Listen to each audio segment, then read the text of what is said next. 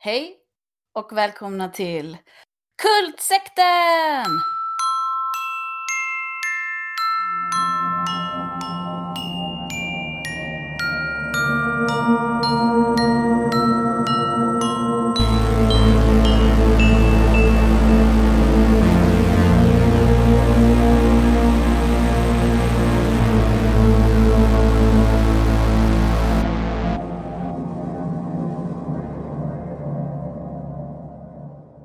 Jag Mm. är så eh, icke-vuxen att eh, istället för att ätit något ordentligt nu innan för att vara pigg och alert så åt jag just druvsocker. Alltså typ dru druvsocker. Alltså inte Ja. druvor utan... ah, Nej, druvsocker med kola. Det finns med kolasmak dessutom. ah, ja men det är gött. Härligt Mm. instabil blodsockernivå. Pigg i typ en halvtimme. eller Någonting nu. Och sen kommer du bli eh, trött och irriterad. Jag antecknar så att jag kan anpassa. tills jag ätit mer, tills jag ätit mer druvsocker. Ah, det går att plocka upp. Mm, okej. Mm. Vi har pratat lite om att vi skulle eh, presentera oss, för det gör vi aldrig. Mm. Jag vet inte hur intressant det är vilka vi är, men vi kan ju göra det en gång i alla fall. Eller? Det kan vi göra. Det kan vi göra. Ja, Vill du börja? Hej, jag heter Henrik Johansson. Jag är författare, översättare, skribent. Jag har jobbat som kock och bagare. Eh, när det gäller just den här podden så är jag lite av skräckoskulden där eh, min väg, jag har liksom försummat mitt skräcktittande från eh, tonåren till, eh, och det är nu Anna-Maria leder in mig på det igen. Men jag har skrivit en del skräck, eller saker med skräckinslag en novell som heter Karadrius som vann någon fantastiknovelltävling. 2018. Den är ju skitbra. Mm. Eh, och eh, en bok som heter Av kött och blod där det är en köttig golem som dödar saker. Eller Är det bara det du har skrivit? Det känns som jag har läst mer skräck av det, men det kanske inte är utgivet. Det andra. Jag har Eller? nog skrivit några skräcknoveller då och då. Mäster Palms porträtt till exempel. Ja, det. precis. Den är, måste man också säga är skräck, var den då? Det tycker jag. Absolut. Men det är ofta så att ibland som när det gäller romanen Raja Mm. så blir ju den till slut när den kom ut socialrealistisk. Men jag försökte klämma in skräckinslag utan riktigt lyckas. Eh, Det blir för trovärdigt liksom. ja, jag bor i Malmö. Ja, nu, nu är jag presenterad för dig tror jag. Ja, jag tänker på en sak till som kändes skräckig när jag läste den. Det, var, det är den här eh, boken som jag aldrig kommer ihåg vad den heter. eh, som har en bra titel, men jag minns den inte. Den långa, långa? med en Aha. mjödbagge på utsidan. Vad heter den? Eh, den heter Johanssons liv, ar- arbetsglädje och återuppståndelse. Så är det. Där är ju en novell om typ en mjölbagge som förvandlas till människa, eller vad är det? En människa som förvandlas till mjölbagge. Det är en dikt om en mjölbagge? Ah. som blir förvandlad till bagare. Men Den är ganska finns- äck... Ah, förlåt, säg. Mm. Den är ganska äckliga. Men det Ja. finns också en novell som heter typ Jordkällaren. Just det! Ja. Som man som nog kan kategorisera som skräck. ja, det är lite så här home invasion-skräck. Det är ju en genre Ja. faktiskt. Mm. Ja, ja. Ja, så, och ska jag också försöka presentera mig själv. Men jag tycker det är svårt för väldigt mycket av sånt som jag gör känner att det vill jag inte riktigt eh, prata om. Ja. Jag förstår jag. Men, Du menar ehm, att eh, du är styckmördare till exempel? till exempel. Nej, det är jag faktiskt inte. Eh, Jag är vegetarian till och med. Jag gillar inte kött. Ehm, Att det där är som att säga så här, jag är inte rasist för jag har en kompis som är svart. Liksom. ja, men, eh, nej, det är det ju inte. Jag har Jag aldrig inte Jag vill inte stå skära i kött. Nej, men det jag säger är att jag, jag är, om jag hade varit mördare så hade jag inte varit styckmördare. Det är bara det jag säger. Okej. Förstår Ja, du? Mm, jag tycker Jag inte om kött, jag vill inte hålla på med det. Jag tycker ändå det är ett sjukt dåligt alibi. Ja, okej. Eh, mm. Hej, jag heter Anna-Maria Olsson och jag är inte styckmördare. Jag är kulturproducent tror jag. Men inte så som man tänker man säger kulturproducent så tänker man sig att man ordnar Malmöfestivalen eller någonting. Jag jobbar med, med kultur till, eh, jag har jobbat mycket med kultur till senildementa och barn, asylsökande eller kultur av kanske snarare. Och sen så har jag också alltid varit aktiv i olika teaterföreningar, musikföreningar, skrivit i olika föreningstidningar och ritat serier. Alltså jag, vad heter det, Jack of all trades, master of nothing liksom. Mm. Ehm, Mm. Men de senaste åren har jag börjat skriva och blivit lite publicerad. Så det är ju roligt, jag tänkte jag skulle fortsätta med det. Om inte jag får andra idéer. Men det tror jag inte att jag kommer få, för det här känns rätt lugnt. Min helg har varit lite sammanknippad med din, eller med dig, för att jag har, eh, på tal om Jack of all trades, så har jag lärt mig Indesign och eh, satt min första bok. Och det Ja, men är, du, jag är jättetacksam för det. Det är så jävla Och det- schysst. och Tack, det är tack. ju ett projekt som vi håller på med tillsammans. Dikter eh, som eh, asylsökande har skrivit. Eller människor med erfarenhet av migration. En del är ju... Jag tror det är bättre att hålla det så öppet, för vissa har kanske fått asyl. Som... Ja, exakt. Så är Det det. Ja. Det var därför jag ändrade mig.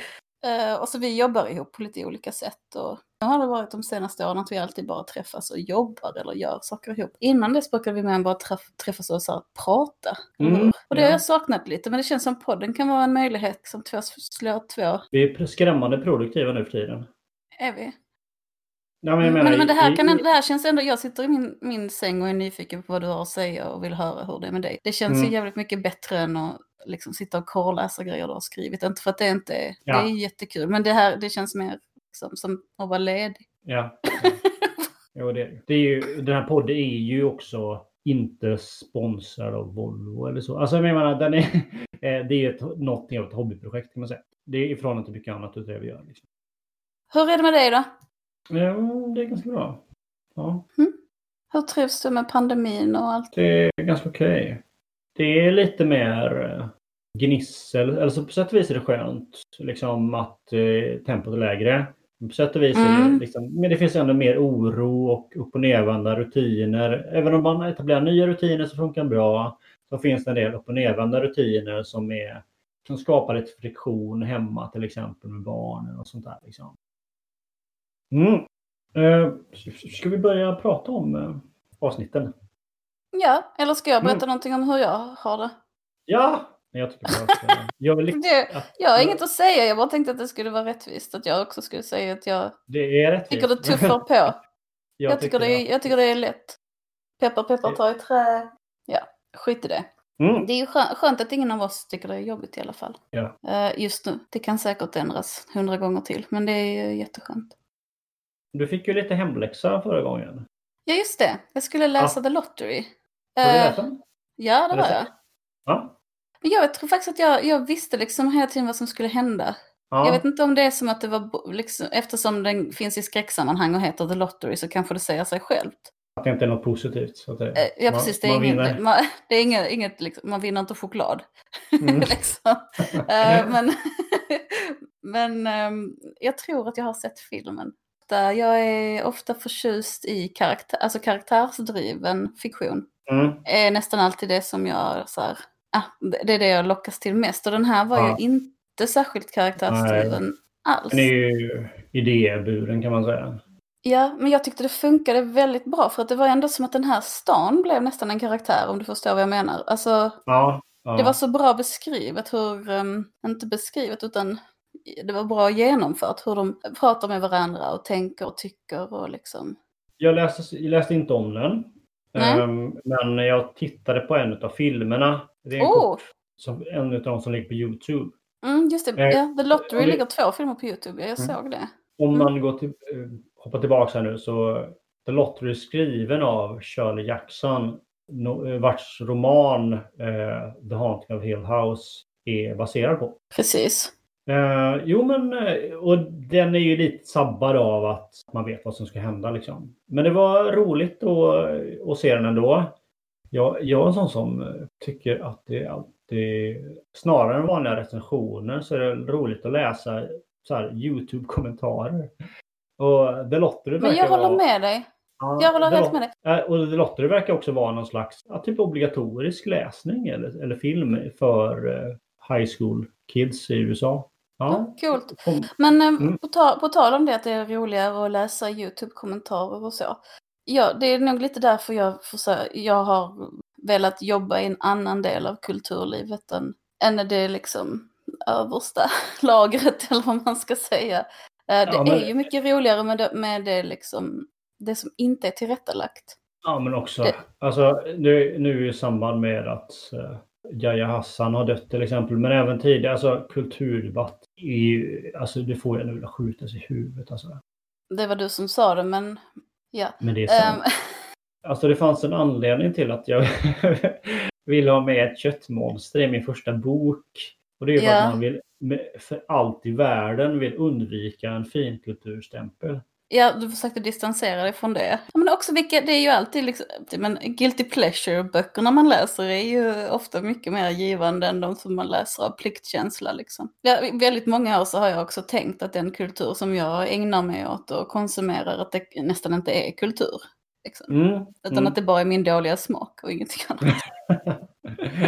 Och sen sa jag, det var mycket kanske när jag blev kompis med eh, Leif Holmstrand. ja. Och vi började kolla på film, skräckfilm på nätterna och så. Jag bara, men shit, han, han, för han är väl mer finkultur. Och bara, men gud, vi har ju exakt samma, samma smak och ser exakt samma saker och vet allt samma. Liksom. Kändes det Ja. så här, bara jaha, så man kan röra sig däremellan. Eller man behöver inte låta sig målas in i ett skamligt fack.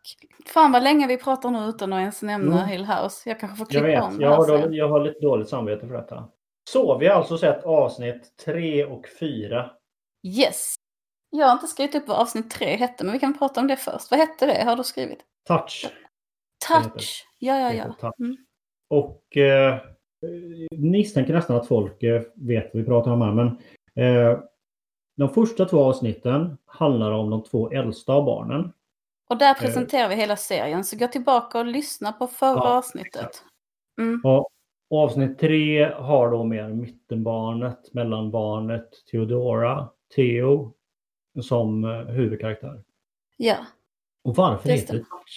Men för, för att eh, det här avsnittet får vi reda på att Theo i mångt och mycket kan veta vad som har hänt innan eller vad en människa känner eller vad, som har, vad den här platsen har upplevt liksom, genom att röra vid det med sin bara hud. Mm, och först, jag vet inte varför, men först så fick jag för mig att det mest var liksom människor. Men Mm. det är ju även föremål, alltså, saker och... Det tar Ja. ett tag innan, innan det syns att det är, också är föremål faktiskt. Jag måste erkänna, Theo är nog på sätt och vis den karaktär som jag har störst problem med. Jag tror Eh. du skulle säga att du gillade henne mest och så skulle jag inte alls hålla med. Jaha, okej. Ja, jag har nog också störst problem med henne.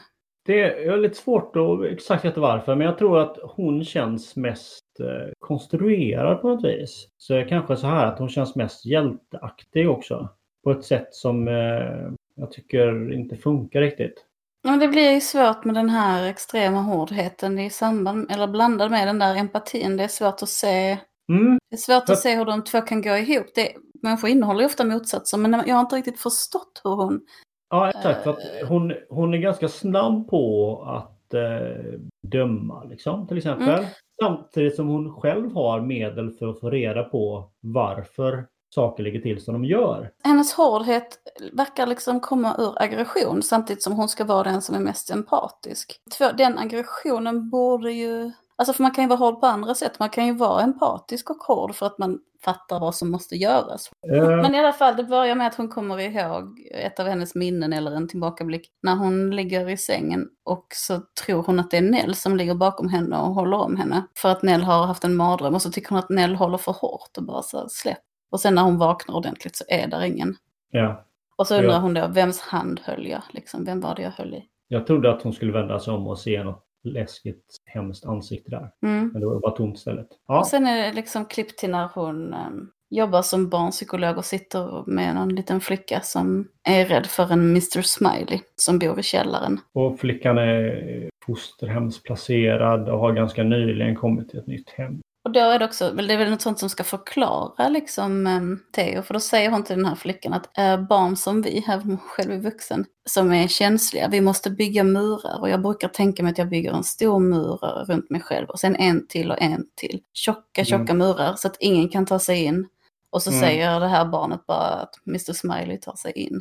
Mm. Det tycker jag är lite creepy. Jag var faktiskt lite rädd när jag såg. Det är lite creepy. Eh, Det är också Aha. lite creepy för att eh, om man har byggt jättetjocka stora murar runt omkring sig så kan man inte fly heller.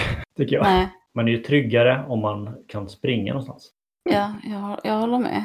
Eh, men det är väl också lite Theo är väl inte den som är, ska vara mest flyktbenägen utan Ja, det hon ska väl vara den som är hård. Och jag vet inte om det är ett sätt att också försöka förklara det här att hon är både hård och empatisk. Att hon måste Mm. ha de där murarna för att klara av sin känslighet. Men som, Mm. som du sa, det görs liksom inte på ett bra sätt. För att den känsligheten eh, brister. Mm, jag tycker också det. Jag tycker också det. Och sen så är det en, ett klipp till ett minne där um, Luke och Nell pratar i en sån här tratt som går genom huset. Mm. Vad, Ja. vad kan man kalla en sån? Fan, fan vet jag inte, som någon, någon jättegammal interntelefon som inte är en telefon utan mer som bara Ja, ljud. ja, men exakt. De pratar igenom den och, och då är det liksom lite skumt där. De sitter vid ena stället, jag kommer inte riktigt ihåg vad det är. Men på ett ställe där den trappen är en säng och när Theo känner där så bara ah, this is a deathbed känner hon liksom. Mm. Och vill inte vara där mer. Ja. Eh, och det spökar väl lite genom detta avsnittet att det är lite så creepy grejer. Eller genom båda de här avsnitten att det är creepy saker runt den här tratten. Mm, De skickar tre knappar genom den vid ett tillfälle till exempel och så kommer bara två. Ja, och För och sen efter en jättelång stund så kommer en tredje. Vi kanske blandar ihop saker från fjärde avsnittet. Men det, Men det är okej, vi pratar om kommer, bägge i en det smet kanske. Ja, exakt. Det kommer röster ur det också. Eller en, Ja, en just det. som säger någonting. Och vet du vad jag insåg sen? Nej, Att eh, namnet, det säger, den här rösten säger ju Clara. ja. Och det, heter, det är ju alltså Mrs Dudley heter Clara. Ja, precis. Det finns en Ja. Clara i huset som hon Ja. ropar på. Ja. För jag är Ja. också lite så här, men va? Liksom. Ja, så då måste Mrs Dudley ha en större roll tänker jag än vad hon har haft hittills. Ja, Men det kanske du vet redan. Så Ja. du, sett, ser, du ser om serien medan jag ser den för första gången. Mm. men jag har världens sämsta minnen så det är jättehärligt. Man kan se bra saker många Mm. gånger och bli överraskad hela tiden. Eh, Steven som skriver boken om Hill House, han ska ge 8% till alla syskon av, av royaltyn. Ja. Kommer det fram i det här avsnittet. Eh, och Cheryl, som hon som har begravningsbyrån, hon vill absolut inte ha det för hon tycker det är blood money. Så verkar det, det är väl i det här avsnittet man får reda på att alla andra verkar ta emot det i smyg, inklusive hennes make. Ja, exakt. Det lär ju vara det det handlar Ingen om. tackar inte Ja. nej till pengar liksom. Nej. Men där kan man säga att eh, även om eh, Theo är ganska tuff och konfrontativ. Hon är inte så konfrontativ inom sin familj så att säga. Nej. Mot Shirley till exempel. Då. Nej, och också så att hon, till, det kommer också fram här med, i royalty-diskussionen, att hon har inte läst boken och tänker inte läsa den. Mm. Som det verkar då. Alla andra har liksom läst den och har åsikter, men hon ville lämna det förflutna i det förflutna. Mm. Det är ju nästan som att de här murarna är någon slags flykt, att man bygger bort sig själv från sin omgivning. Alltså, Ja. Och det se- känns ju eh, för någon scen där också som att, att hon använder sex som flykt. Så. Det signaleras ju lite grann. ja men det kommer, det är efter att hon har fått dödsbudet med Nell, va, så har hon, ringer hon en sån booty call till den här Mm. tjejen som hon var taskig mot. Ja. Eh, Och den tjejen som hon var taskig mot säger att ja, men jag vill gärna, hur var din dag? Kan vi bara liksom byta tre ord? Och då berättar hon så här jättehemska saker om, ja, här som har patienten. hänt under dagen. Nästan som ett sätt att provocera. Alltså nästan Ja. som att el, dra upp sina egna trauman som ett sätt att vara elak mot någon annan. Och så Mm. bara duger det eller kan vi inte bara ha sex typ? Och jag inte, ett grepp som återkommer, som vi återkommer jättemycket såklart, film och litteratur, men det Mm. är kring, kring när de förklarar hur barnen, de nu de vuxna, funkar, så är det Mm. väldigt mycket parallellitet så att säga. Att det som hände i barndomen återkommer i en annan form nu. Och Mm. här också till exempel att när Theo först jämför sig själv med den här barnpatienten hon har så, så avslutar hon sedan med att jämföra Nelly med henne istället. Mm. Mm. Och, och det finns också en liksom det- att man går ner i en källare till exempel. Att det är liksom på något vis där som, som det utspelar sig. Mm. Det, det finns ju en sån här dumbwaiter i Hill House. Här Mm. mathiss. De är ganska Ja. vanliga tycker jag i skräcksammanhang. Lite för vanliga. Jag vet inte om Mm. du har tänkt på det. I djurkyrkogården till exempel. Mm. Jag, tror, jag vet inte om det är med i film. eh, Men i boken i alla fall är det väldigt mycket om eh, huvudpersonens frus syster Zelda. Som Mm. har någon eh, allvarlig sjukdom och sen liksom som barn Mm. har frun hand om henne bland annat via dumbwaitern och kör upp mat Mm. till henne i den. Och hon dör i den på något sätt. Nu är ju Eh, inte jag Zelda.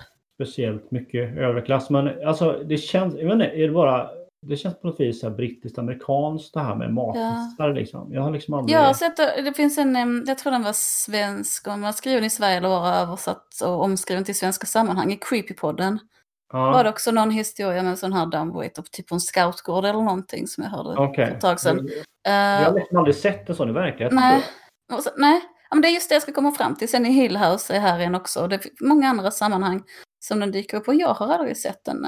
Mm. Eller så här, jag, jag måste erkänna att jag har ju jag har jobbat på hotell där det har funnits Fast det var ju liksom varit riktiga varuhissar, förstår du vad jag menar? Det är en, men det är en liten hiss som är till för bara varor. Ja, men det är lite annorlunda än typ ett köksskåp som man öppnar och så är det mat Ja. i det med hiss. Ja, Liksom, men det är som en tro- trope som gör att jag blir lite mindre rädd. Jag tror kanske Mm. jag har varit rädd vad jag kan i mitt liv för Dumb Waiters nu. ja. Det kan vara så. Eh, Men i alla fall går Luke in där och, och så ska eh, Theo trycka upp honom, för han vill jättegärna det, för han vill åka i den hissen upp. Men så åker Mm. han ner istället till en källare som de inte visste fanns. När han sitter där nere så har han en ficklampa och så lyser han. Och så från bakom en tun- tunna nere i källaren kommer det ut en arm. Mm. Och den är Och så sen- jävla äcklig och den rör sig så äckligt och sen så flipprar ficklampan och sen så lyser den där igen och så ser man tydligt att det var fan en arm. Det var inte bara som man inbillade sig liksom. Och så är det kan- skitäckligt. Ja, alltså Luke i källaren kan vara kanske läskigast hittills. eh, Så. Bland Ja, där tycker vi nog Ja. olika. För att Ja. sen tycker jag, sen när monster kommer fram, Ja. då, tycker inte jag, då tycker inte jag det monstret alls äckligt. Då bara slutar jag vara rädd och bli irriterad. Men där är en sån vanlig, jag tror det, det är någon slags skräckkrux, eller hur? Alltså hur mer och tydligare man ser någonting desto oläskigare blir det för det mesta. Fan- fantasin är alltid, ens egen fantasi är liksom nästan alltid värre än det filmskaparna kan hitta på så att säga. Ja, men det gäller att visa lagom mycket eller rätt saker, tänker jag. Mm. För det här ansiktet, det ser ju ut precis som alla eh, zombieansikten i Buffy eller så här. Ja, Alltså det, det är ett väldigt klassiskt, lite rolig skräcksminkning nästan.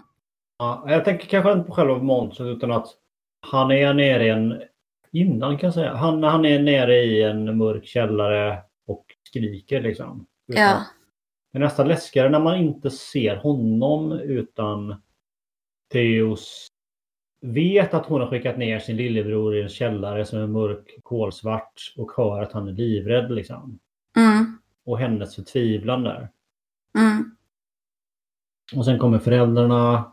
Eh, de eh, får upp hissen igen liksom. Ja, och då är de också, då är de, väldigt, de tröstar ju Luke väldigt mycket. Eh, men de skäller på Theo. Mm. Och hon har ju haft panik och försökt få upp honom, men hon försökte inte skicka ner honom i någon källare. Hon, eh, hon försökte ju bara göra som han ville, trycka upp honom. Ja. han kunde inte klara det själv och bad henne om hjälp liksom. Och, det, och, är och när det gäller Luke så blir det återkommande där att han att föräldrarna tror inte på honom. Liksom, eller det är nästan ingen som tror på honom så att säga. Mm. Att, eh, att eh, han försöker berätta vad som fanns i källaren men nej. De tror inte ens på att det finns någon källare eftersom inte Nej, är med på ritningarna. Så Ja. den får ju också Theo leta upp och det gör hon. Mm. För eh, så smart genom att... Det var en steg och så frågar hon hur långt var det till stegen och så stegar de och letar och sen går hon lika långt i köket ovanför den eventuella Mm. källaren dit är- stegen skulle vara. Hon är ganska driftig. Ja, och klipsk liksom. Klipsk. Ja. Ehm, och ensam tänker jag också ofta att hon är. Mm. De, flera av de andra har ju nära relationer inom familjen. Men det är som att hennes känslighet, för att hon, hon också hon tycker det blir för jobbigt ofta när hon rör vid folk. Att det blir för intensivt vad hon känner. Där är ju Ja. någon fin scen sen när mamman berättar att ja, men vi är, mormor var så här och jag är så. På olika sätt. Eh, Ja. Synska eller vad man ska säga. Och så ger hon henne till ett par handskar. Det tycker jag är en Mm. jättefin scen. Ja. Eh, och jag tycker också det är väldigt spännande att tänka tanken med ett, Och det, liksom, och det sju synska personer i ett spökhus. Bara vad fan händer då liksom? Mm. Och det gör eh, någon slags... Eh, ja, men förklar, liksom, ja, hennes mamma inser att, att eh, hon har samma ska man säga, gåva eller förbannelse och det är flera andra kvinnor i slakten som har haft den. Liksom. Mm. Och hon berättar då att hennes migränanfall också, då har hon också syner. Sen, är det en, sen här kommer den scenen som jag kanske tycker är läskigast när, när eh, Theo ligger och sover som vuxen. Sen Mm. börjar hennes täcke bara glida av henne sådär Mm. långsamt. Och så vid Ja. fotändan står den här Mr. Smiley som är ett sånt här jättekonstigt köttigt ansikte med bara liksom hål för mun och ögon som ett smiley face fast i kött liksom. Det finns någon slags Supercreepy. eh, jokertanke där nästan. Tror jag menar med eh, att, att Mr Smiley ler fast han inte är glad. Ja, ja, absolut. Jätteäcklig. Ungefär samtidigt ringer Shirley på hennes dörr och- kommer in och berättar att Nell är död. Mm. Eller då får man liksom reda på, först så har de ett samtal om hur Shirley ska prata om, om Nells död med sina barn. Och det Mm. jättefina samtalet som Shirley har något avsnitt innan. Det Mm. får man liksom nu se förberedelserna för. Hur hon sitter med faktiskt en utbildad barnpsykolog och får råd om vad hon ska säga och hur och så. Ja, Det så- tycker jag är jättefint. Säg som det är. Du behöver inte ge dem information de inte har bett om. Vet du inte varför Nell har tagit livet av sig så säg inte att du vet. Du bara, man kan Nej. svara att man inte vet också. Ja, och, och, och berätta att du är ledsen. Det, ty- Ja. Jag tycker det är jätte, jättefint där. Ja, men efter att de har haft det här samtalet om, ehm, om hur Shirley ska prata om döden med sina barn så berättar Theo också att hon kan inte prata med någon om det för hon är för arg på Nell. Och Mm. då säger hon ju saker som att Nell vet vad det här gör mot en familj eftersom de, de, mamman har begått självmord i deras familj. Och hon gjorde den då och det gör mig så jävla förbannad och så här fortsätter hon. Och jag tänker man har ju alltid rätt till sina känslor när någon nära dör. Det är ju egentligen fel att kritisera det. Mm. Men hon är ändå psykolog. Ja, jag tycker också Och det är jag lite- tycker det är konstigt att hon blir så arg på någon som tar livet av sig. Dessutom, dels är jag psykolog och delvis har hon möjligheten, vilket hon gör sen senare i samma avsnitt då, att gå och känna på Nell och därigenom få reda på att hon inte har begått självmord. Mm, Alltså att hon, det, hon har både liksom de känslomässiga och, och övernaturliga och intellektuella möjligheterna att förstå vad som hänt med Nell ja, på något vis. Mm. och jag, jag tänker att det man vet om självmord är ju att när, när det väl är där, när människor mår så pass dåligt, då är det liksom inte möjligt att skaffa sig någon överblick över situationen och tänka så här, oh, men, men hur påverkar detta andra? Och har jag varit med om någonting som liknar detta ur något annat perspektiv? Alltså de tankarna finns ju inte när man är Nej. självmordsnära. Och det, att hon på något sätt som psykolog kräver att Nell skulle vara förmögen och göra sånt som inte går att göra tycker jag är konstigt. Men som sagt, man, ska ju, jag man känner det man jag känner när någon dör. Men sen så är det ju så att hon ska vara den arga och det är det som ska göra henne till den starka och driftiga. Och den som liksom tuffar framåt hela tiden i någon slags aggressivt driv. Jag har problem med det hela tiden. Det, det går inte att få ihop liksom. Nej, det går inte att få ihop. Uh, jag håller med. Det, alltså, för hon, hon, eftersom hon också tror på Luke, eftersom hon kan ju inte göra annat än att tro, så att säga, med sina händers hjälp. Nej, nej precis. Mm. Eh, Och, och, och då finns det också en slags foreshadowing. Om nu är hennes mamma ens har tagit livet av sig, att hon är helt Mm. oförstående inför detta. Alltså det, det går liksom inte ihop. För att Nej. eftersom hon har tillgång till den självmordsbenägnas känsloregister också. Nej men det är det som inte, nej men precis, det funkar inte, det funkar inte att veta så mycket och samtidigt vara arg på det sättet. Men i alla fall, eh, hon sticker sen eh, hem, Theo alltså, till den här patienten som var utsatt för Mr Smiley. Hon sticker hem till deras hus och ber att få gå ner i fosterföräldrarnas källare, vilket hon får. Mm. Eh, och där så lägger hon sig på soffan och så, så känner hon, så som hon känner med saker, hon känner, känner liksom hur en våldtäkt har skett där. Att en vuxen har våldtagit ett barn i soffan antar jag, är det hon upplever. Eh, och så tittar hon upp i taket och där är knastar i träet i, på innertaket som ser ut som ett jätteobehagligt smiley face. Mm. Lite dialekttrivia också. Ja, ja, För de som inte är skåningar. Knast på skånska är ju också idiot. Ja. Varsågod. är det inte, är inte, är inte knast idiot överallt? Jag talar om dialekter och sånt så är ju ursprungligen göteborgare här. Så att eh, man kan helt enkelt säga att fosterpappan i familjen i dubbel bemärkelse är en knast. Ja, precis. För det är ju fosterpappan som har våldtagit den här patienten. Och det får Theo reda på när hon går upp. Så tar hon av sig sin handske och skakar hand med honom. Och så står hon skitlänge och håller i honom och tittar på honom. Och han bara, vad tittar du på? Ditt leende, säger hon. Samtidigt som Vem- han ju inte ler liksom. Utan Nej, precis. Ja. Det är ju ändå lite roligt. det är Så roligt. jävla Ja, men störigt. Det är ju inte som att det är någon slump att hon åker iväg dit. Utan Nej, nej. hon utreder ju så att säga. Mm. Hon tyckte att den här flickan hade haft så höga murar runt sig, Mr Smiley-patienten, så hon kunde inte ta reda på vad som hade hänt. Som hon var tvungen att göra på andra sätt då. Alltså jag fattar det. Var, det var i och för sig, man, man, lär, ju, man lär, ju, lär, lär ju sig mer och mer under det här avsnittet. Men i vanliga fall så hade hon ju direkt kunnat se att den här flickan hade blivit våldtagen. Ja, precis. Men att, eftersom hennes murar var så starka så kunde hon inte det. Nej, hon såg bara de här magiska monsterna som barnet hade hittat på för att stå ut på något vis. Ja. Eh, Men sen efter att hon har skakat hand med fosterpappan så går hon ju direkt och ringer polisen. Mm. eh, Och Och- ber att få dit socialtjänst och alla. Eh, De kommer fram till att källaren i Hill House har varit en bootlegs-grej. Att det är därför Mm. den är, har varit gömd, för att de har sålt under förbudstiden så har de sålt alkohol och gjort alkohol där. Och de hittar alltså böcker med räkenskaper och andra hemligheter och sånt. Och så vet Theo en massa om det och så undrar mamman hur vet du? Och så säger Theo att hon gissar. Och det är väl i samband med det som de har det här samtalet om, om känslighet. Mm. Och där är också något tillfälle när eh, Theo rör vid sin mamma och så plötsligt ser hon henne med halva hus, huvudet borta, liksom blodig och sprängd. Mm. Och blir mm. jätterädd såklart. Jag är lite förvånad över att Theos pratar om mamman som att det är bergsäkert att mamman har tagit livet av sig. Samtidigt som jag tycker att hon själv vet ju att det finns monster i Hill House. Ja, jag vet Även det. Alltså det är väl så behöver man inte lasta mamman för självmordet ändå. Men det är märkligt att förutsätta att det är så. Ja, och det är också någonting lite konstigt med eh, hennes bristande ödmjukhet i allting. När hon får så många pusselbitar som hon inte kan få ihop. Men det är samma sak vi har problem med med Theo hela tiden känns det som. Att ja. hon liksom är, hon går inte riktigt ihop som karaktär.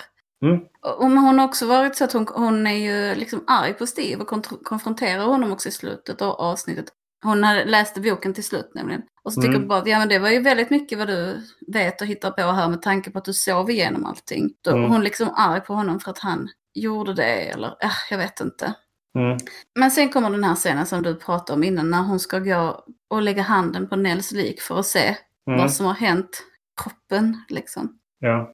Jag vet inte vad du tycker, men jag tycker det är den absolut, den absolut bästa scenen i det avsnittet. Jag måste erkänna att eh, i början av det här avsnittet så undrade jag så här att om jag inte gillade Theo för att hon är en dålig skådis eller någonting. Liksom. Jag tyckte liksom att reaktionerna på Nels död var så kassa orimliga. Sen så tycker jag liksom att både i förhållande till när hon är nere i källan och får reda på vad som hänt den här, sin patient. Och ja, hon... I samband med mm. Nels död eh, och hon lägger händerna på henne. Så tycker jag liksom att hon, det är inte skådisen det är fel på. Liksom. Nej. Nej, för här tycker jag hon gör det helt fantastiskt. Hon liksom lägger, tar av sig sin handske och lägger handen på Nels arm tror jag. Och så här, först tittar hon nyfiket och sen spärras ögonen upp mer och mer på något vis efterhand som hon lyssnar in vad som finns och sen till slut blir det bara ett sånt, alltså att hon bara skriker och kastar sig bak och kryper ihop mot en vägg okontrollerat. Jag tycker uh, att det också är lysande på något vis. Att, lysande. Men jag tycker det är bra att vi inte får se vad hon ser i Nels huvud så att säga. Ja, jättebra. Och det tycker jag också om hela tiden att det är så mycket som hålls hemligt för tittaren. Mm. Och man känner också empati med henne. Tänk vilken grej att bara få veta att något fruktansvärt har hänt någon som är död som man älskade. Att döden var hemsk liksom. Mm. Oh, jag får gåshud bara prata om det. Jag tyck det tyckte jag var en skitbra scen.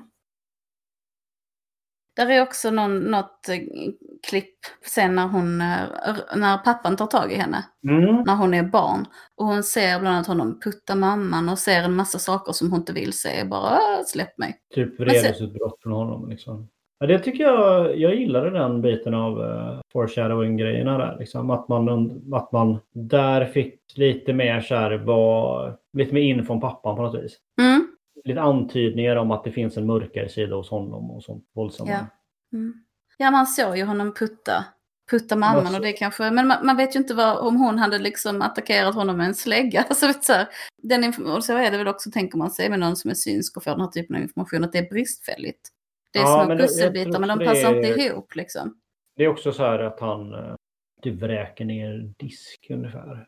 Eller just det, han, släng, ja, han slår sönder saker och slänger saker. Jag vet inte om, jag kommer inte riktigt ihåg vad pappan gör. Jag vet inte varför jag har så positiv bild av honom hela tiden. Vi får se om jag har rätt eller om det bara är någonting. Mm? Ja, ja. Avsnitt fyra. Mm. Avsnitt The, fyra. The Twin Thing heter det. Twin Thing. Och det handlar om Luke och Luke är en av mina favoritkaraktärer. Mm. Till skillnad från Theo känns han väldigt trovärdig. Ja. Rakt igenom tycker jag. Men nu ska jag ta upp en generell grej som, gäller, mm. som är orimligt. Men eh, jag satt och bläddrade i avsnitt för att leta på närbilder av hans händer och tänder. Mm. och det är någonting som stör mig med amerikanska skådespelare. Att de är så fucking perfekta liksom. De är typ smala och välvårdade och tränade och det finns liksom inte det går inte att ha med en Rolf Lassgård person liksom. Och han är... Nu vet jag inte vem Rolf Lassgård är. Ja, det är en svensk skådis. Som är, ja. du vet, som är lite där, ser lite risig, halvplufs ut. Förlåt Rolf Lassgård. Eh, eh, men eh, du, du vet, folk har liksom inga konstiga fläckar. De har, både Luke och Joey har liksom inget fel på sina tänder. Och de har varit, hon har gick på gatan sedan hon var 13. Han mm. har varit missbrukare nu i 10 år. Det är så här, det syns liksom inte på dem. Liksom. Förutom att han är orakad och ser trött ut så, är det så ser han ut som att han kommer direkt från gymmet. Liksom. Jo men det stämmer. Perfekta Alla... tänder, de är liksom snygga och smala. De äter raw food och tränar oavsett vad som händer. Ja. Borstar tänderna, jo. Ja. ja.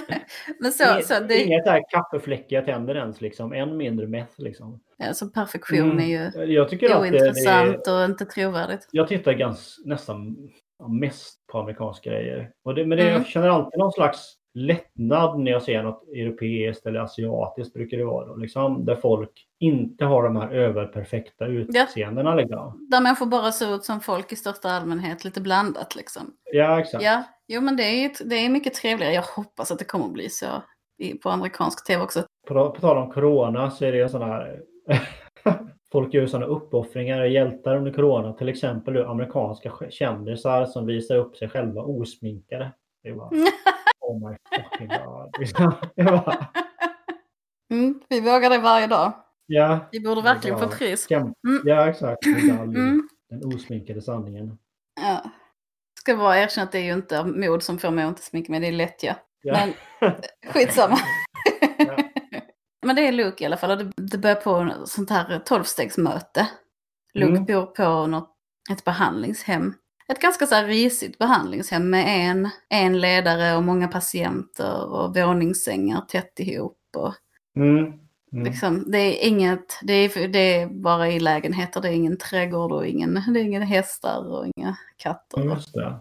Alltså det kan ju vara rätt så lyxigt får man ibland intrycket med mm. behandlingshem i USA. Det var, uppmärksamt där. Jag tänkte inte på det så noga. Man får ju vara med när han kommer in på sitt första behandlingshem. Och det är ju ett mycket lyxigare och dyrare mm, behandlingshem. Det är det. Men, ja, precis. nu så har liksom behandlingshemmen gått neråt i kvalitet.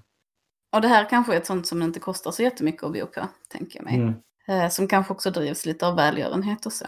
Men han verkar ta denna behandlingen bättre än han mm. gjorde den dyra. Å andra sidan verkar han ju ha sökt sig hit själv och det är ju kanske också en förutsättning för att bli nykter om man är missbrukare. Ja. Att man eh, själv är den som driver nykterheten. Absolut, men själv, själv och själv för att skillnaden som den presenteras här är ju att han på det här behandlingshemmet har någon som tror på honom. Ja, där finns Joey som ett stöd. Men jag tänker mig att han hade ju mycket väl kunnat se, vad heter hon, Cheryl?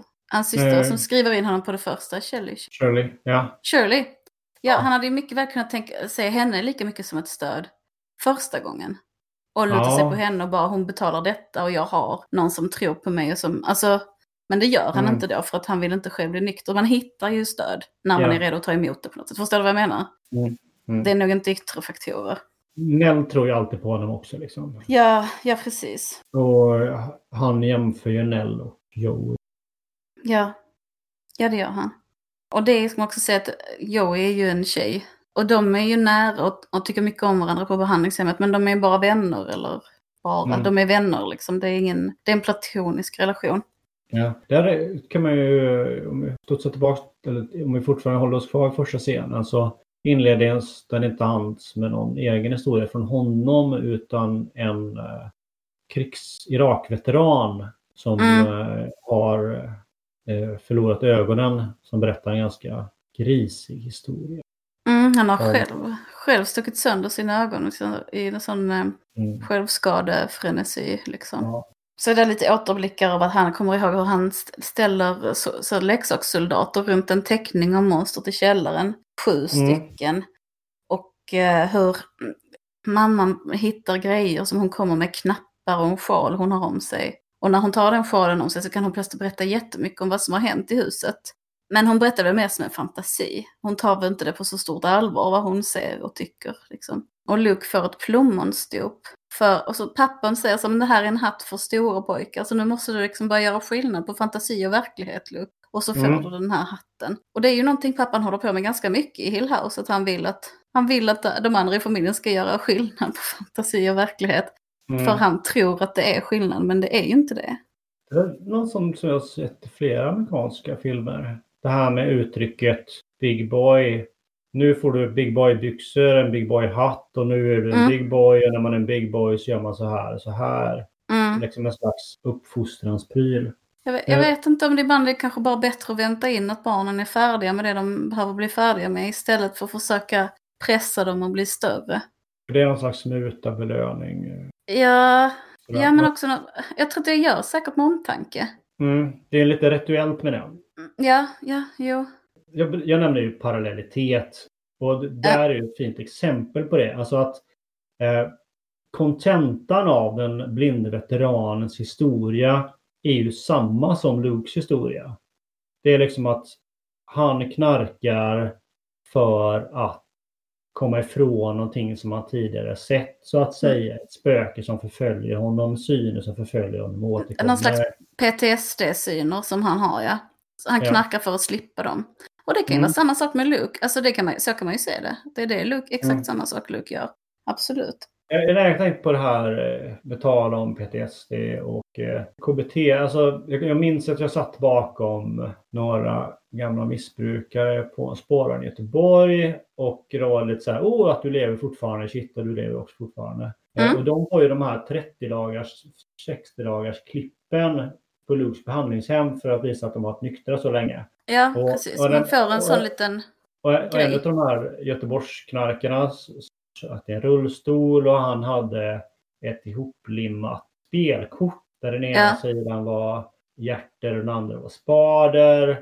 Så fort han var utsatt för någon frestelse så att säga så tog han fram det här kortet och så här vad händer om jag väljer att ge vika för det här? Då händer de här sakerna. Då tittar han på den svarta sidan. Men om jag Mm. inte gör det, då ska det i den röda sidan. Mm. Och det kändes som att det är samma grej där, att man får liksom ett föremål.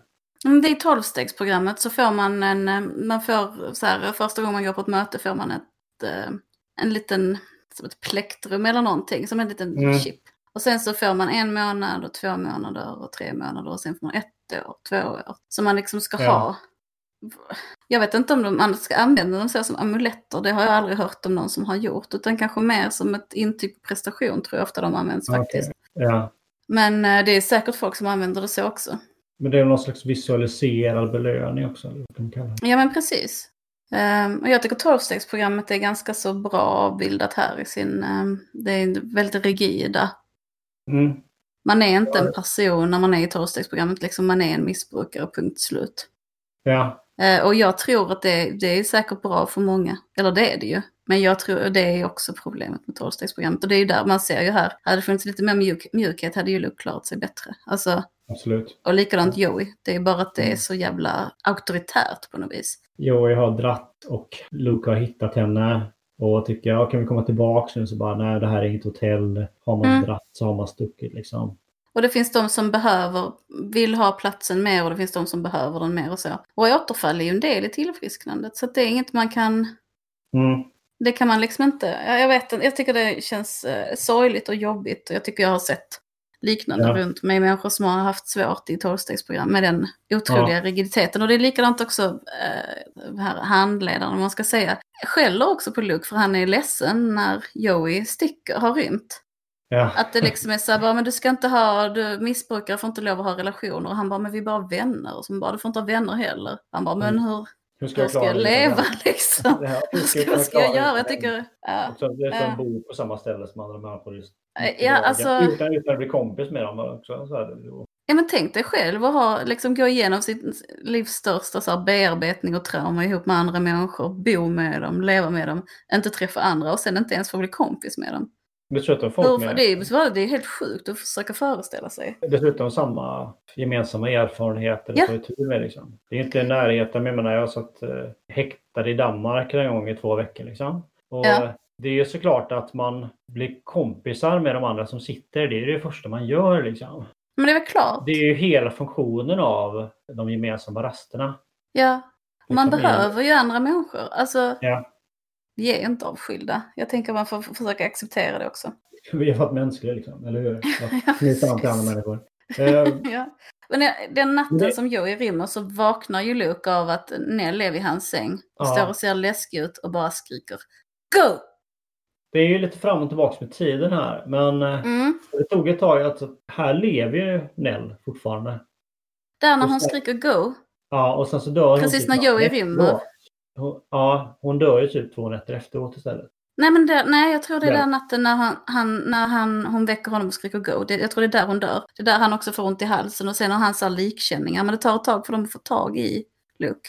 Ja, det är likkänning. Alltså jag tänkte först, om det, det är klart det är, det funkar med foten också. Jag tänkte på något vis att det hade med bent, bent necked lady att göra. Mm.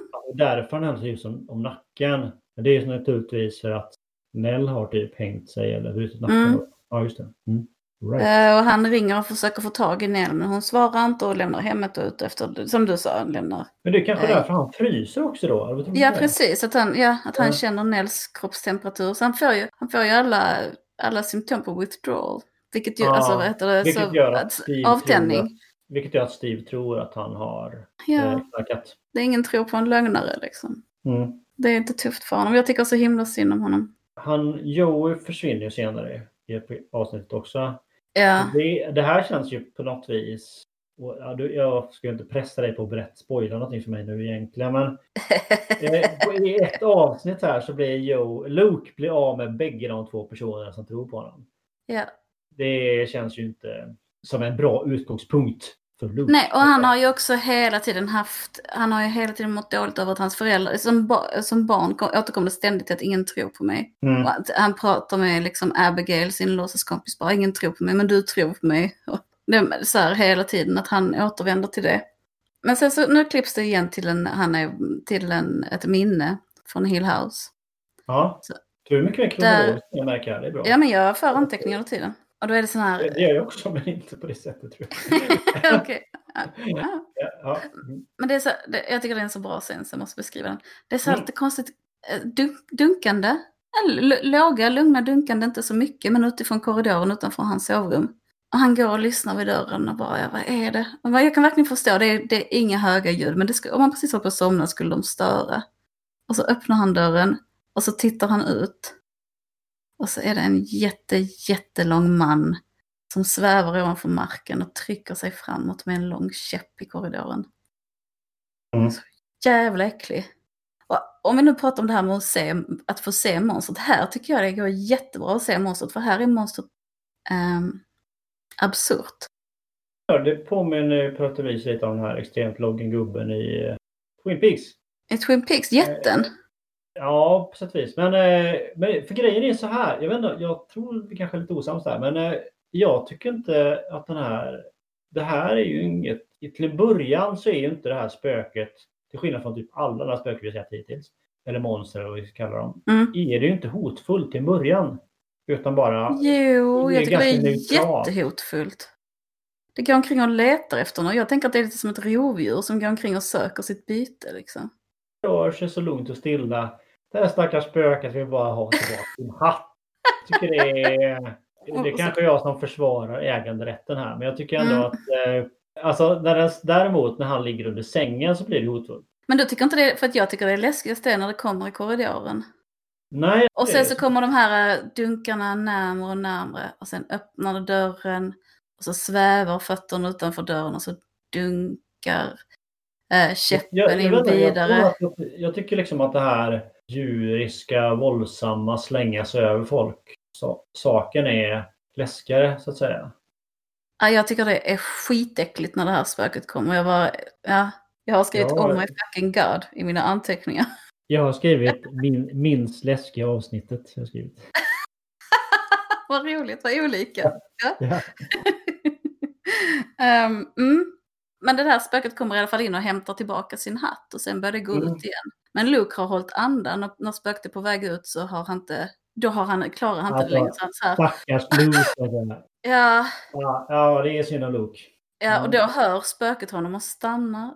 Och så vänder sig långsamt och igen den här käppen utan att fötterna rör vid marken, här käppen bara dunk, Mm. dunk, dunk. Och jag tycker det är så äckligt. Just det, man hör någonting närma sig och man vet att helvete nu är det kört liksom. Mm. Uh, då böjer sig spöket ner och tittar på Luke under sängen. Och där när man får se handen och ansiktet, det tycker jag är lite synd. För det, jag tycker det är lite fel sorts läskig. Igen, lite fel smink. Men man ser det inte så mycket. Eh, och sen är det bara Luke som skriker och sen klipps det. Eh, till att Luke går hem till Steves fru tillsammans med Joey för att bli räddad. Typ, eller få Mm. sova där eller få lite pengar eller så eftersom de inte får komma tillbaka till behandlingshemmet. Mm. Eh, och hon berättar då att hon inte bor med Steve längre. Mm. Ja, det visste Mm. inte. Ja, om vi eh, pratar om eh, Steve och Steves fru. Så det är ju ganska Mm. tjusig scen, tycker jag. När de, efter att ha varit på behandlingshemmet i en månad, Mm. får man gå någon slags fridag. Och då har Luke tagit med sig Joey för att käka middag tillsammans med Steve och Lay. Heter de. Så det är ganska fin, eller fin, det är en bra scen den middagen. Där liksom eh, Joey är glad och spirituell och också det här att det är lite bittert liksom för att Luke är så himla beroende av att han vill ju att folk ska tro på honom. Liksom, eller Mm. han vill att folk ska tro på honom. Medan Steve ger honom verkligen ingenting. Han missar Joey, han eh, kommer med små gliringar och Ja, ja, till, till slut så tycker liksom, alltså man kan, man kan förstå att ha- han har blivit blåst av sin bror i tio år liksom. Visst. ja, jag förstår också. Eh. Det är lite antingen eller. Har ha, ha de på middag eller inte liksom. Ja Kanske. exakt. Bjuder man hem honom, brorsan på middag som är på avgiftning så får han ju, kan ju inte bara hålla på och misstänkliggöra honom i en timme liksom. Nej. Men han säger också det att eh, liksom, jag, eh, jag känner igen hur du tittar på Joey, hur jag har tittat på dig. Mm. Det här hoppfulla och man är så glad och man tycker om personen. Men bara för att någon liksom verkar bra så behöver de inte vara bra. Säger han Mm. som en varning till Luke. Och det är ju, det är ju ändå, finns någon slags omtänksamhet i det också. Jag tänker att det är inte helt koko. Nej. Nej. Eh, men ja, det, där är någonting lite för surt i, i deras Ja. på varandra. När, eh, när Luke är där så får han Steves adress av Lee. Och det är Ja. då han går och stjäl den här iPaden och det som vi pratade om innan. För att kunna eh, liksom pantsätta eller någonting så att han och Joey ska ha någonstans att bo för natten. Eh, och då får han lite pengar istället av Steve och så skylls de åt. Det är också så att man ser då och då att eh, Luke ser mannen i plommonstopet. Mm. Ganska, även nu liksom i nutid. Ja. Precis, står med Mm. ryggen vänd mot honom ja. och käppen framför sig. Men ibland stå. kommer mot honom fast med ryggen först. Ja, svävar. Precis, svävar Mm. mot honom. Väldigt obehagligt tycker jag. Det är ganska Eh. mycket déjà vu i det här Ja, avsnittet.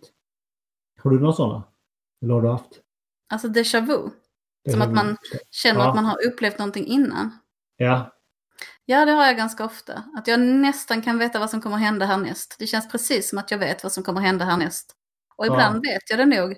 Bara för att det liksom, jag har upplevt det en gång innan känns det som. Den känslan Ja. är så stark. Det är som att man halkar lite ur tiden på något vis. ja. ja jag tror inte jag hade oftare förr men ja, jag tycker det är ganska spännande känsla. Mm, det är det verkligen. På tal om eh, olika procedurer så var en annan sak som jag tyckte var spännande att prata om. Eh, Nell har haft en mardröm eller blivit utsatt för spöke kan man säga. Eh, och då lär Luke henne sitt knep. Och det är att ställa upp sju stycken armékrigsgubbar liksom. Eller knappar ställer han upp till Nell. Ja, till Nell ställer upp knappar för det är de som Mm. finns i närheten. Mm. Och så det är sju personer för det är liksom de fem barnen och så är det mamma och pappa. Och så räknar man allihop och pekar på dem så 1, 2, 3, 4, 5, 6, 7, 1, 2, 3. Mm. För att då ska de omringa då monstret och typ döda det då liksom. Mm. Eh, och det sen använder han det som vuxen också, att han går liksom och räknar så 1, 2, 3, 7. Att han, han har det som ett litet sätt att känna äh, talet sju som någon slags skydd. Det är det så funderar jag på så här, om man inte skulle, när han ändrar på siffrorna eller om han inte känner att det inte funkade eftersom de inte är sju längre. Mm, jag tänkte också på det.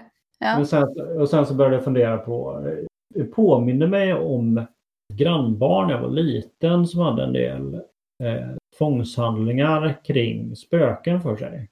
Innan han la sig i sängen så satte han sig ner framför sängen, blundade, förde in armen under sängen och typ tog den fram och tillbaka 20 gånger och sa det finns ingenting här, det finns ingenting här, det finns ingenting här. Liksom. Ja, stackars barn. flera sådana procedurer som tog ganska lång tid att göra och var ganska påfrestande för honom. Det låter jobbigt. Ja.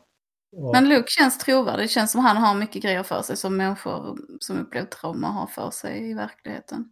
Mm. Men det är så, han får i alla fall pengar av Steve. Som, och sen så ska han och Joey gå en, en väg då och hitta, hitta ett ställe att bo för natten.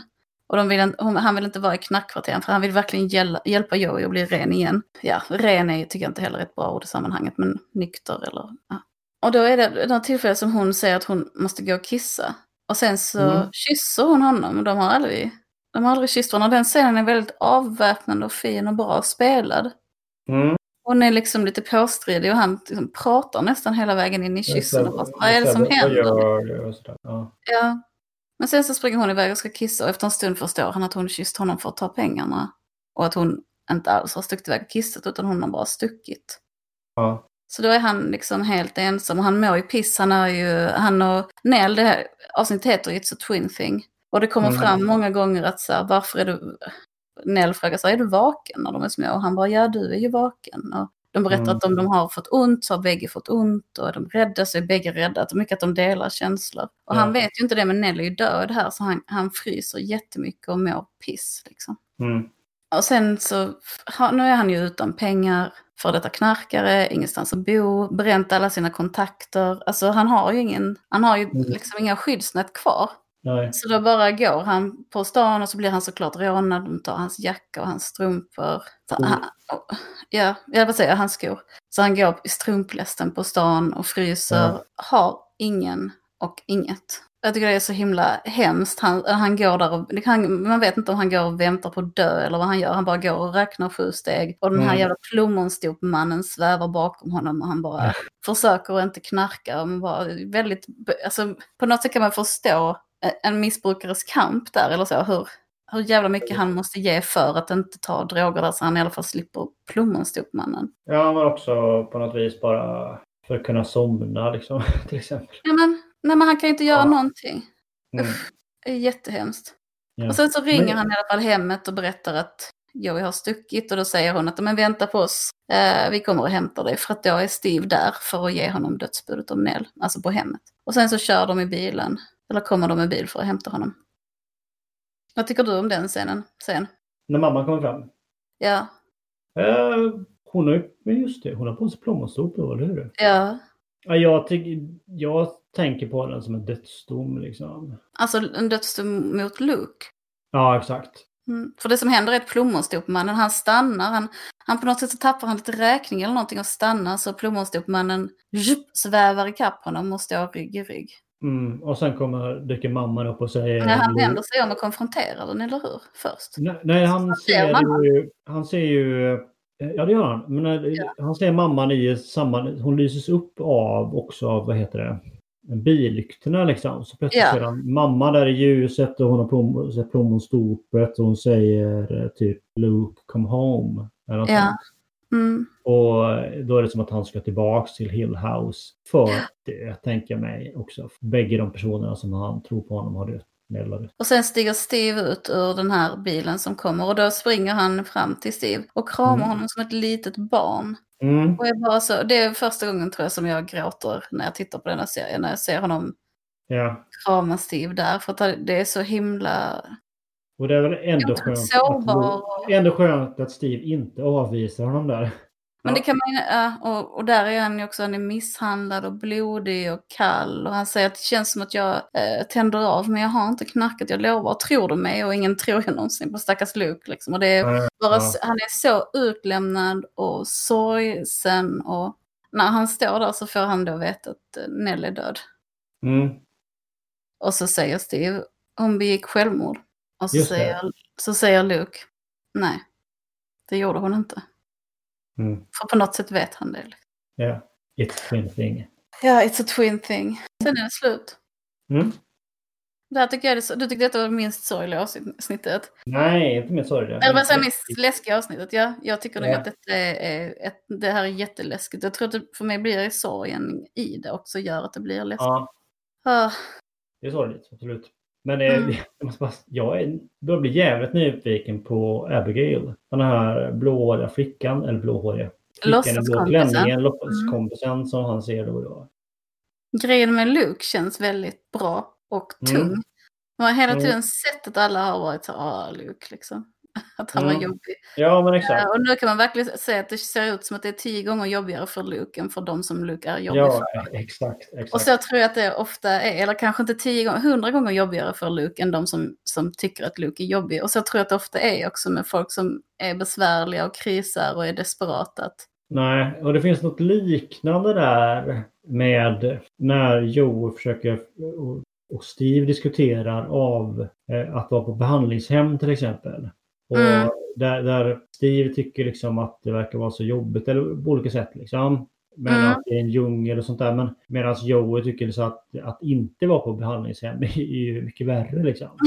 ja, ja, precis. Eh, Ja. Och, och det, jag tycker att manusförfattarna visar ganska...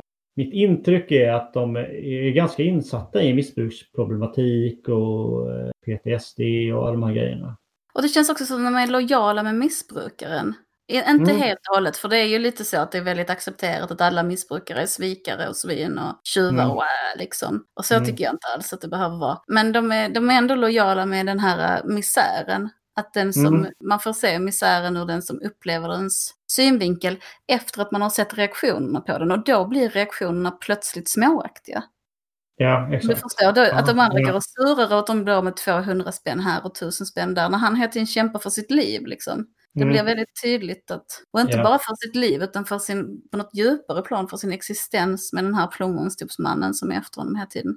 Och det är också Mm. fint att de har satt det i relation till den här veteranen som är jagad av sina syner. Ja, För att då blir det ju väldigt mycket att alla har, det ser ut som att alla missbrukare har det så jobbigt. Det finns också ett, ett politiskt drag där som jag tycker är, eller vad ska man säga, en jämlikhetssträvan eller en förståelsesträvan där som jag tycker är jättefin. för det också... Det finns också i samband med liksom hur de upplevelserna i huset att alla pratar om sina egna uppfattningar om hur de var eller bo i Hilo House var sjukt jobbiga. Men någonstans blir det också väldigt tydligt att det var jävligt mycket jobbigare för Nell och Luke liksom. Mm. Ändå. Och också någonting att Luke inte riktigt har någon egen verklighet att leva i. För den verklighet han lever i blir aldrig bekräftad och då kan han inte lita Nej. på den. Han har inget annat heller. Liksom. Det är, ingen, bara, det, är aldrig någon som, det är aldrig någon som tror honom liksom. nej, han bara går i det där jävla spökskiten själv, alltid. Mm. Och så hade han Nell. Men Ja. ja, hon hade ju sina problem. Ja.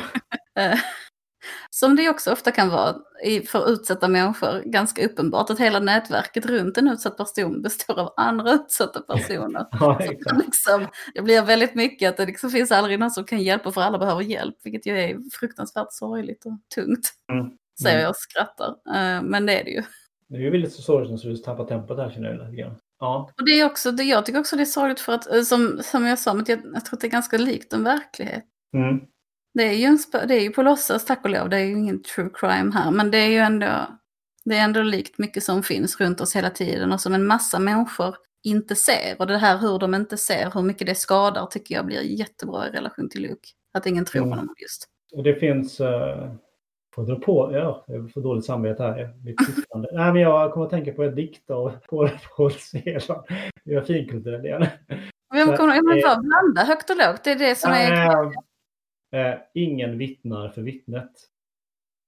Ja, Och det blir lite som att de kan ju inte se vad Luke ser. Och, och vet Nej. inte vad han har gått igenom. Och ändå blir han dömd liksom. Och han blir inte trodd och sådana grejer. mm. Och han har inte heller hittat någonting själv. Alltså han har ju skrivit lite grann och så kommer det fram. Men han har ändå inte Mm. hittat något eget sätt att uttrycka sig och dela sin verklighet. Utan han, Men det är också så att han, han har ju ingenting att hålla sig fast i liksom. Eller så här, de andra har ju liksom hem och jag på att säga att de har stabila relationer. Har ju inte, det är inte så direkt. Nej, det har de kanske de, inte. men de, de, nej, men de, har, de, har, de har bostäder och jobb i alla fall. de har väldigt många skyddsnät. Mm. Och de förstår inte hur, hur bra de skyddsnäten är tror jag. De förstår inte hur stor skillnad det är. Ja, men hans ensamhet det tar verkligen tag i mig. Ja. Och jag vill... För vi, vi, näst, vi kommer ju hela tiden lite längre fram i tiden. Jag undrar vad nästa steg blir nu när han har varit nykter 90 dagar. Han har förlorat allt och han ändå har fått en, liksom, en kram av sin storebror att följa med. Alltså det jag lite ser fram emot, eller ser fram Jo, det får man ju säga att jag gör. Men det kanske, liksom, det kanske är sista avsnittet. Jag ser Mm. ju det lite framför mig att de samlar ihop de resterna som finns kvar av familjen och så här på något vis går i någon slags konfrontation med huset liksom. Förstår du vad jag menar? Mm. Det kanske aldrig händer, liksom. det är kanske jag som bara tänker eh, traditionell det är spännande dra, dra, Dracula liksom. Jag menar så här, Mm. nu går vi dit och bränner ner huset. allihop. Ja. Åh, vad Att härligt. man ser huset, de olika spökena i huset ändå som en karaktär lite grann. Förstår du vad jag menar? Mm. Ja, att huset är en karaktär, ja. Ja, men det ska bli spännande att se vad som händer. Mm. Eh, Jag satt och tänkte nu, en jättekonstig association, men just det här hur, ingen, hur Luke helt saknar bekräftelse. Då satt Mm. jag nästan och blev glad för all, samtidigt för all bekräftelse vi fick eh, för förra Mm. avsnittet. Just det. Eh, i sociala medier och så. Jag bara tänkte hur ensam han är och han inte har något och hur lätt vi har det. Ja. Men eh, det, var jag, det tyckte jag var väldigt härligt. det var Tack det. så det var, hemskt mycket. Ja, det var så här, eh, oh, det här är min nya favoritpodd och eh, folk som började följa serien för att vi ser den och jätteroligt. det känns väldigt speciellt och det, jag känner mig så himla... Så jättekul att människor lyssnar och ännu roligare att få lite feedback. Ja, tack! Tusen miljoner tack! Det betyder så otroligt mycket. Ja. Ja. När det gäller respons så kan man säga att eh, vi tycker det är sjukt roligt när folk eh, dels har åsikter men också liksom säger det här borde ni se och kan ni inte göra ett avsnitt om den här filmen och sådana grejer. Det är jätteroligt. Ja, och det finns ju en sån lista, vi kommer komma till det. Alla Mm. önskemål. Men Eh. nu, jag tror jag kommer att tänka på den enda skräckserien som jag nog sett, eller den som jag lagt ner mest tid på att se, för att jag har sett den flera gånger, det är nog Riket faktiskt. Ja, ja jag vet. Jag har också tänkt på det, det är nog den du har sett. Men du gillar den mycket va? Och jag tänker mig, när vi pratar om riket framöver så kommer hela avsnittet också vara på fejkdanska. Nej! Jo, för i helvete. Vi måste snacka dansk hela episoden Sluta nu, jag klipper bort det här. och dricka Tuborg och... Nej, men det hade varit roligt att prata om riket någon gång, ja. Det hade Mm. varit jättekul. Jag känner att jag skulle nästan ja. börja prata om det här, men jag bromsar mig. Det är en Ja. väldigt bra Ja, serie. ja, vi bromsar här. Vi bromsar här. Men vi kanske ska säga, ett, säga hej då. Utan någon som helst avslut. Vi säger inte vad vi säger nästa gång. Vi får se. Men vi kommer fortsätta kolla på, på serien i vilket fall som Ja, vi kommer fortsätta kolla på Hill House, sen får vi se om vi släpper andra avsnitt insprängt emellan eller hur, hur det blir. Hej! Okej. du. Okej, ett, två, tre. Hej! Hej då!